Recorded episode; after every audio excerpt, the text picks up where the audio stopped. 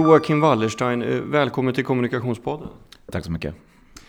Du, jag passerade precis er grafiska profil här ute, för nu sitter vi, det är lite mer eket än vad man kanske som lyssnare är van vid. Och vi sitter på ditt, ditt rum här nu i, i regeringshuset här på Mynttorget.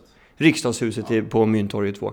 Jag passerade precis er grafiska profil. Har, har den precis blivit beslutad eller? Ja, det är ju ett, det är ett löpande arbete, men eh, vi har börjat med att försöka formalisera en grafisk profil som då ska släppas i, under våren ihop med en uppdaterad kommunikationsplan för partiet. Ehm, så ja, det är ett första steg. Vi har börjat sätta upp en mockup som liksom, för man kan gå förbi och känna på det och se om det är någon färg man börjar irritera sig på eller något teckensnitt som känns fel. Men det där är ganska långt gånget det projektet. Du, hur tänkte du då? För det är väl du som är ytterst ansvarig för hur det ska se ut med fonter och med, med vilken kulör man ska ha. Vad, vad var ledsaganden när du skulle ta fram det? Ja, det var egentligen ett arbete som inleddes under förra valrörelsen med att eh, vi fram tills dess hade jobbat med en färgprofil som var vitt, ljusblått och mörkblått. Och eh, samtidigt försöker lyfta fram en, att vi som parti har en varm framtoning. Och det är rätt svårt att göra med en isfärgskala. Eh, så vi började under förra valrörelsen med att blanda in eh, gult, och rött och rosa. På ett sätt och det funkar rätt bra. Och eh, det försöker vi formalisera lite nu. Mm. Varför är det viktigt att ta med de färgerna då? som jag sa egentligen, det är svårt att jobba med den här isfärgskalan och samtidigt då ge ett intryck av att vara varma och en omtänksam profil. Eh, och de här röda färgerna funkar väldigt bra ihop med också då en ganska lite varmare hudton i fotona, hur de redigeras och så. Så um, det passar oss rätt bra. Varför är det viktigt med, med en varm omtänksam profil? Jag tänker att de här röda tonerna eller de gulare tonerna, framförallt då ihop i fotosammanhang, att det ger en lite så här retrokänsla och vi är ju ett parti som är konservativa och gillar det gammaldagsa. Och eh, ihop med de här rödgula bilderna så skar det sig rätt mycket med våra blå färger. Utan de här rödgula funkar väldigt mycket bättre ihop med dem. På SD som kommunikationschef sedan 2013 är det va? Du har inte alltid varit kommunikationschef förresten? Nej, inte alls. Utan det var direkt efter valrörelsen. Eh, innan dess hade vi inte direkt någon kommunikationsavdelning. Utan nu satte ihop, det var som ett kluster med press. Och eh, jag var den person som utgjorde kommunikationsavdelningen. Eh, jag jobbade under valrörelsen som kommunikationsstrateg. Vilket innebar att jag ritade upp kampanjerna och skrev manus och filmer och styrde upp den biten. Så det är egentligen ja, det är mer formaliserad tjänst nu bara. Ganska många stolar att sitta på. Vad, vad är du starkast och svagast på? Jag har alltid varit bra på att rita. Så det, mm, rita-biten är min stora bit. Uh, och det är ihop med um, själva idéskapandet. Komma på, jag är bra på att komma på idéer. Uh, mindre bra på att stava. Du, eh, innan så... Du kom direkt från PR-byrån Strandberg i Haga va? Innan du kom till Sverigedemokraterna. Vad, vad gjorde du där? Ja, vad gjorde jag på Strandberg Hage? Jag ritade mycket, kom på mycket idéer. Det var ingen direkt, alla hade ju titel PR-konsult. Eh, jag skulle säga att jag var mer åt kreatörshållet. Eh, och eh, trivs väldigt bra med den rollen. Du, vad, är, är du född och uppväxt i Stockholm? Mm, jag kommer från norra Stockholm. Ja. Och var, var det självklart att du alltid skulle jobba med kommunikation? Hur såg det ut i, i begynnelsen? Jag bestämde rätt tidigt för det. Jag tror jag bestämde när jag gick i sexan. Jag fick en dator då av min, mina föräldrar. Eh, som var... Den var tillräckligt bra så att man kunde ha grafiska program på, vilket var ganska tidigt då. Eh, jag hade Pension Pro. Eh, men tillräckligt dålig så att jag inte kunde spela så mycket på den. Eh, så det fanns ganska naturligt att jag satt och ritade och eh, bestämde mig sexan sjuan att jag skulle börja jobba med att reklamkommunikation var mitt spår. Jag hade också möjlighet att få sommarjobb väldigt tidigt, att just jobba med grafik. Har du fått, innan du började på SD, har du jobbat med politisk kommunikation innan? Nej, inte direkt politisk kommunikation. Jag har jobbat med en del ja, samhällsorganisationer eller statliga bolag, men inte politisk kommunikation. Hur kom det sig att det blev just det här valet? Just Sverigedemokraterna? Egentligen flera skäl. Eh, första rent ideologiskt så är det ett parti som står mig närmast om hjärtat. Så det var, partiet i sig var ganska naturligt val. Sen om man ser kommunikativt så är det det parti som är egentligen intressant om man ska jobba med kommunikation. Det är, liksom, det är ingen som bryr sig egentligen vad Centern håller på med. Medan SD, det är intressant, det är explosivt. Det är en fråga som fortfarande vars kärna faktiskt alltså brinner för kärnfrågan. Liksom affärsidén för partiet, den, den gäller fortfarande.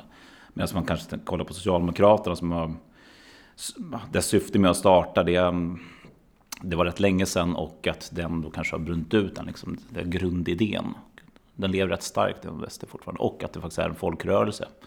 Det gör att eh, även medlemmar i sig brinner väldigt, väldigt starkt för frågorna vi driver och även kommunikationen vi driver. Men jag tänker, det, det, där skulle man väl kunna säga om Feministiskt initiativ också. Det är också ett, ett parti där visionen är stark och kärnfrågan är i allra högsta grad levande. Ja, det kan man göra. Varför blev det inte det då? Nej, jag är vuxen och jobbar för ett seriöst parti.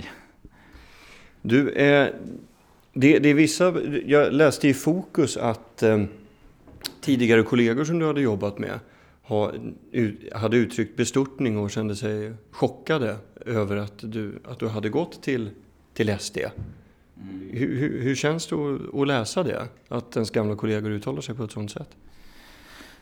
Ja, det är ju det, det är visserligen tråkigt. Reklambyråvärlden är ju en extremt homogen värld där alla förväntas tycka lika och vara exakt lika, bo på samma ställe och ha haft samma utbildning. Svårt att hitta någon mer homogen grupp människor än folk inom reklamvärlden. Så att någon där vågar tycka annorlunda eller göra något annorlunda eh, är förstås då upprörande för dessa personer. Det, ja, det är synd men ingenting som jag tänker på. Vad, vad är det, från, från ditt perspektiv, på vilket sätt är den homogen då? Vad, vad är det man ska tycka? Det är ju en bit av liksom den här innerstadsmedia elittänket med man å andra sidan tycker man väldigt bra om mångkulturella influenser. Fast å andra sidan är man väldigt bra på att leva just knutet till sitt sällskap som är ja, en homogen grupp. Människor med väldigt liknande bakgrund, liknande ut, utbildningsbakgrund, liknande yrkesval. Och förmodligen bor man mer eller mindre på samma gata, hänger på samma restaurang. Och, och där skiljer du dig? Ja, i alla fall när det kommer till mitt yrkesval, mitt politiska val. Men jag tänker ändå, alltså, det är ju ändå någonting med att man byter jobb och så är det tidigare kollegor som man har haft som, som gör så tydligt i offentligheten att de liksom vill, vill uttrycka sin egen bestörtning. Blev du inte ledsen, eller? Jag hade ju väntat mig att det skulle bli den typen av yttringar. Eh, och det har det blivit. Och eh, ja, jag tror jag förlorade kanske halva min Facebook-vänlista första dagarna. Eh, men totalt sett har jag fått betydligt fler vänner nu och bättre vänner som eh, ja, accepterar mig för de politiska åsikter jag har. Så eh, nej, det är tråkigt men med facit i hand så skulle jag absolut inte gjort någonting annorlunda. För, för det, är, det är bara det jag tänker att när, när jag läser artiklar om, ja inte bara dig utan andra företrädare för just Sverigedemokraterna, så är det ju många som också säger som, som är väldigt snabba med att uttrycka sin bestörtning, att de vill vända enskilda individer ryggen och sådär. Det var alltså en helt personlig reflektion. Känns det inte väldigt, kan det inte kännas väldigt ensamt? Ja, det, alltså, det stigmat är ju lite... Jag skulle ju föredra att inte ha det. Eh, men det finns också det finns ju en gemenskapsbyggande i det också. Och eh, från Sverigedemokraternas håll så man var väldigt... Jag upplevde en stor omtänksamhet gentemot mig när jag började med honom pratade mycket om hur det kändes och hur det funkar med familj och så också. Det är, det är inbyggt och eh, det är tyvärr så just nu. Och det är, det är inte så himla lätt i Sverige att tycka och tänka riktigt vad man vill. Och, eh, så är det just nu och eh, jag tror väl att, för hoppas väl att det blir en ändring på det snart. Mm. Hur, hur gör du då? För att, du vet, hämta styrka, komma på nya idéer. Alltså hur, hur tar du det vidare på det sättet? Ja, jag har bosatt mig en bra bit utanför Stockholm. Jag bodde själv tidigare i centrala Södermalm. Ehm, nu bor jag en bra bit utanför Stockholm i en stuga. Ehm, och spenderar väldigt mycket tid på en buss. Och det är där jag har skrivit de flesta kampanjer vi har genomfört de senaste året. Och ehm, det funkar väldigt bra. Jag tycker om att snickra. Så jag går omkring på min tomt och snickrar lite på huset. Och tänker mycket och har anteckningsblock med mig. Eh, eller skriver mycket på brädor framförallt. Eh, på, brädor? Du kommer på en idé och så tecknar du ner det på en eh, spont? Ja, Östermalmstorgs tunnelbanekampanj den är nedskriven på en träbräda från början. Eh, vilket är ganska roligt. Men det, det funkar väldigt bra. Det är av, väldigt, väldigt mycket avslappnande att gå, gå omkring och göra, göra något helt annat. Och jobba med kropp och, och lugn. Hur kom du på den? Vad, vad är, om vi ändå är inne på tunnelbanekampanjen. Sifo, jag ska bara ta fram så att siffrorna blir rätt här. Sifo gjorde en mätning efter att eh, Sverigedemokraterna hade i, vad ska man, hur ska man beskriva det här på bästa sätt nu? I tunnelbanan, tunnelbanerulltrappan från perrongen upp till biljetthallen så finns det ju eh, liksom taktila små, ja, som en upp och nervänd trappa och på de här eh, trappstegen i taket så hade ni hängt upp banners. Det är väl ungefär så som man kan beskriva det? Ja, i sin enklaste form. Ja. Och eh, vad, vad var det det stod där? Vi hade ju, den är egentligen flera delar i hur vi tänkte kring det där.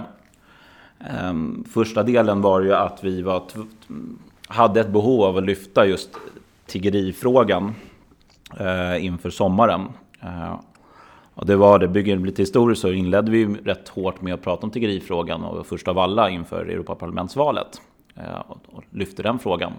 Och vi tänkte att det var en fråga som man vanligt folk berörs av eh, ja, delar av EUs öppna gränser med det, det man kan se på gatan som händer i ens vardag kontra mot andra Europaparlament, eh, annat av Europaparlamentets eh, beslut som kanske inte berör en i vardagen riktigt. Så vi lyfte en sån fråga som på riktigt påverkade folk i vardagen. Och eh, vi fick ju väldigt mycket gehör för det, fick prata mycket om det.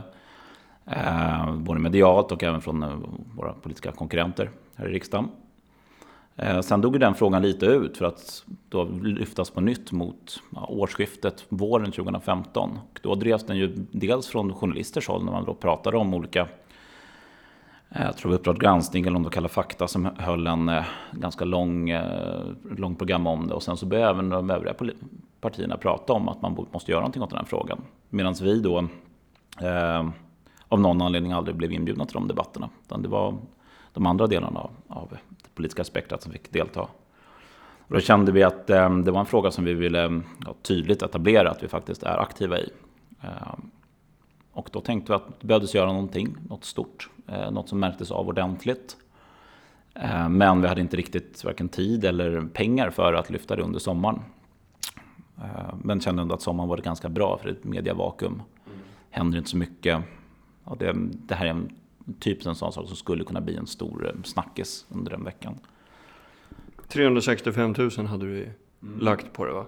På, på just den kampanjen? Ja, det, det är ju inte ens eh, riksorganisationen, det utan det är SD Stockholms stad som eh, finansierade den. Så för partiet i sig var det egentligen gratis. Mm.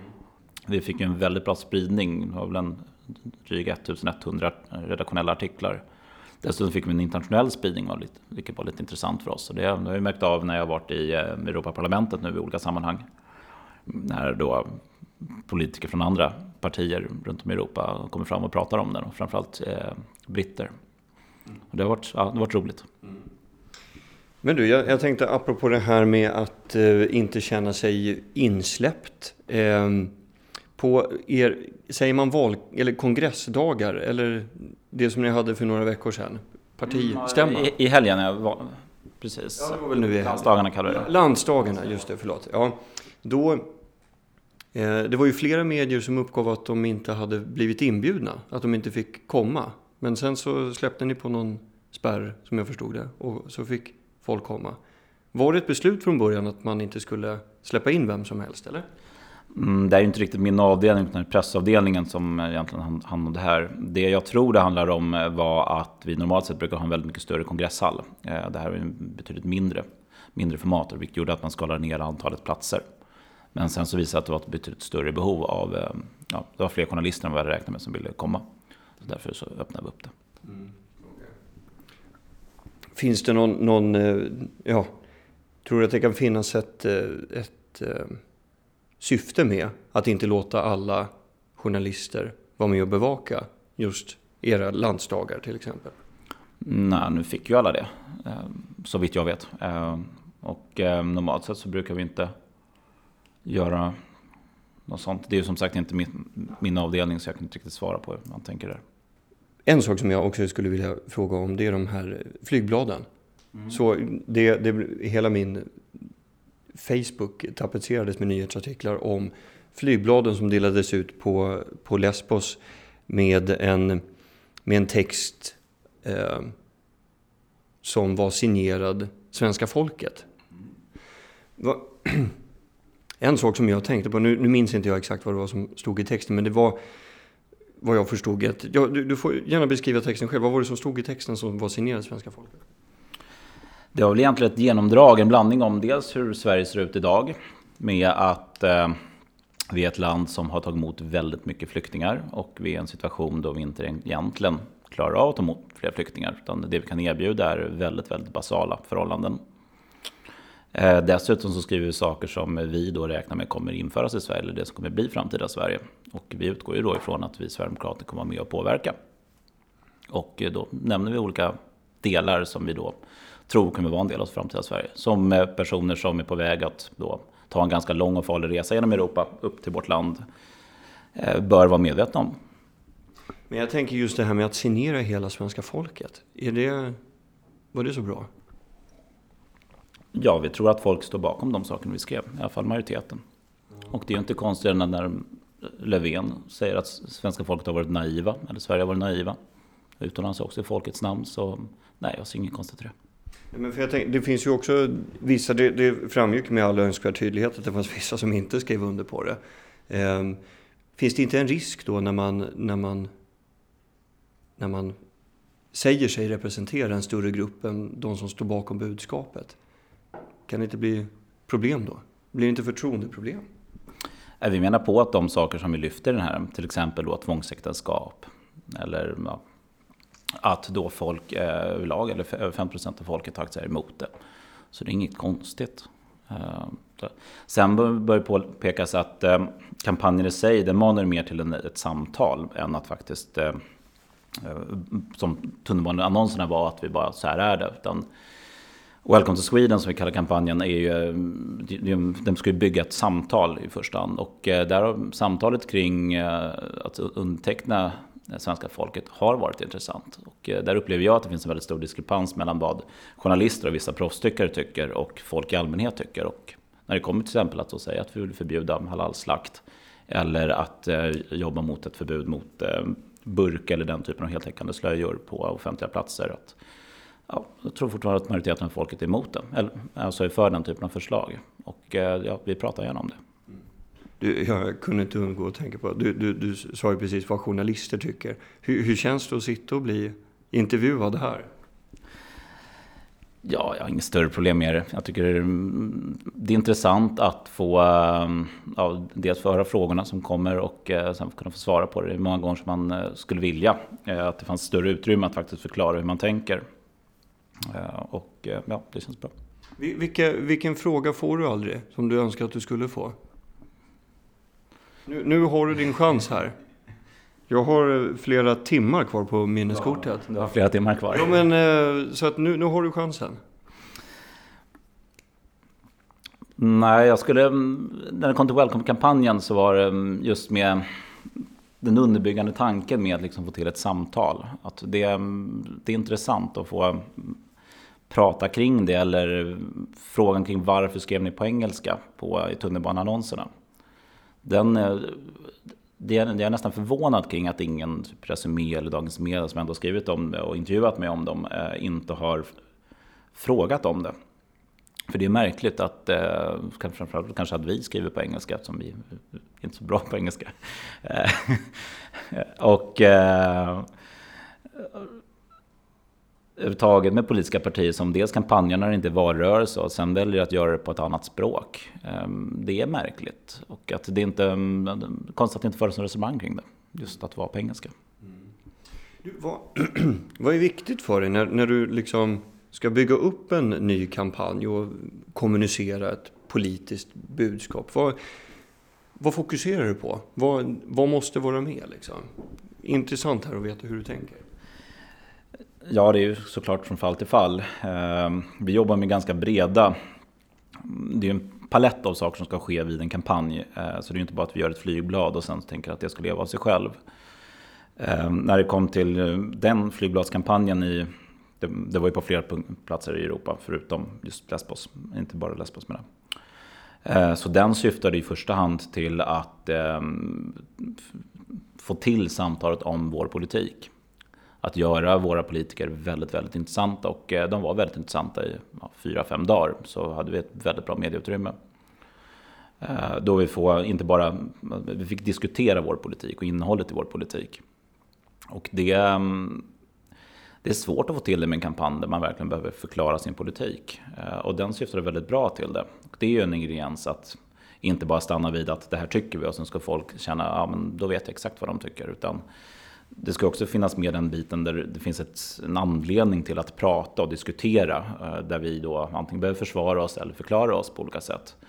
Och eh, det är för mig en väldigt viktig, viktig bit. Att hela tiden lyfta fram politikerna och vara politik aktuell. Jo, men jag, jag tänker så här. Jag har gjort en massa historieprogram tidigare. Och det som jag kopplar ihop med nationalism just i Sverige och politiska företrädare som kallar sig nationalister. Det är ju, senast man hörde om det, det var ju i, under andra världskriget och de som ville från, från svensk sida ge stöd åt, eh, åt nazismen. Och det är där jag tänker, har man inte ett, ett problem där? Att kalla sig nationalist idag, det är när jag tänker nationalism så tänker jag ju, jag tänker liksom samhället som är här, eh, min barndom eh, och alltså, gemenskapen som är på den ort där jag bor, att vi känner varandra, vi pratar samma språk. Vi alla sätter upp julgransslingor när, när det närmar sig jul nu eh, och den, liksom, den gemenskapen. Om man tänker på det som ofta då kommer upp med nationalsocialismen så syftar den ju inte till den här lokala gemenskapen där man trivs ihop, utan den jobbar ju mer med någon form av internationalism, att man ska bygga stora imperier, eh, klumpar ihop massa olika folk och kulturer på samma punkt. Eh, så den nationalism jag tänker på är just det här gemenskapsbyggande, det trygga. Ehm, Bullerbyn Sverige. Det är ju många andra partier som jag har intervjuat, deras kommunikationschefer, de, de använder ju vad jag har förstått utav de intervjuerna den här perioden mer för att du vet, man drar sig tillbaka, man ritar om strategierna. Men du säger att ni arbetar ungefär som det vore valrörelse. Varför har ni valt just det, den strategin? Ja, vi tänker väl att personer eller folk i, folk i vårt land rör, liksom lever i vårt land varje dag, inte bara en gång om eh, var fjärde år. Och eh, då är det intressant att vi hela tiden finns där och snappar upp eh, aktuella frågor, påminner om vår politik i olika, olika frågor. Och eh, det skulle inte finnas på tapeten att vi skulle slås tillbaka. Å andra sidan så de andra partierna ökar ju inte särskilt mycket heller. Så de kanske inte har en särskilt bra strategi. Och eh, hur... Eh, vad ska ni göra annorlunda inför 2018 som man kanske inte har sett att ni har gjort innan? Vi kommer ju kampanja som ett stort parti då. Förra valrörelsen kampanjade vi som ett litet parti. Och det gör ju att eh, dels kommer vi ha an, både organisatoriska och ekonomiska andra, helt andra typer av muskler. Eh, och eh, vi kommer jobba betydligt mer med målgruppsanpassad kommunikation. Tidigare om åren har vi bara egentligen haft ett budskap och varit nöjda med att så många som möjligt har nåtts av det budskapet. Eh, nu känns det som att vi kommer täcka det. Vi kommer se till att eh, ett budskap, det får vi ut. Så därför ska vi börja med att inrikta oss mot olika grupper, kanske olika delar av landet eller olika yrkeskategorier eller skilja på ålder. Det ska bli det nya för oss. Vilka funktioner är viktiga på din avdelning att ha knutna till sig när man ska kommunicera i Sverige just idag? Vi är ju ganska unika eh, på det att vi, inte, att vi har alla funktioner i princip in-house. Eh, där vi då producerar exakt allt här i våra lokaler här. Och, eh, vi behöver utveckla dem lite mera. Jag brukar säga att vi är lite som typ Sveriges försvar, att vi kan göra en sak vid en punkt vid ett tillfälle. Eh, och det, det, det, funkar ju bra med nuvarande omfattning av programmet. Vi producerar en kampanj i taget och eh, gör det bra. Eh, men vi måste gå mot en, en funktion att vi då kan producera mer och driva olika kampanjer vid samma tidpunkt på olika platser i Sverige. Så det ska vi börja med. När det här spelas in så är det onsdag. Ett par dagar kvar på veckan. Hur, hur ser resterande veckan ut för dig? Jag kommer vara ledig på fredag. För jag har haft en, hade en lång tidigare vecka eh, i anslutning till våra landsdagar. Och eh, för min del så ska jag snickra på mitt hus, torp. som har, ja, det är verkligen drömkåken kan man säga. Det allt har behövt bytas i princip. Det finns nästan ingenting som är kvar från originalhuset. Så jag ska försöka ja, i princip överleva hemma. I synnerhet nu när det börjar bli kallt ute. Ja, jag förstår. Då önskar jag dig all lycka till med det. Eh, Joakim Wallerstein, eh, stort tack för att du ville vara med i Kommunikationspodden.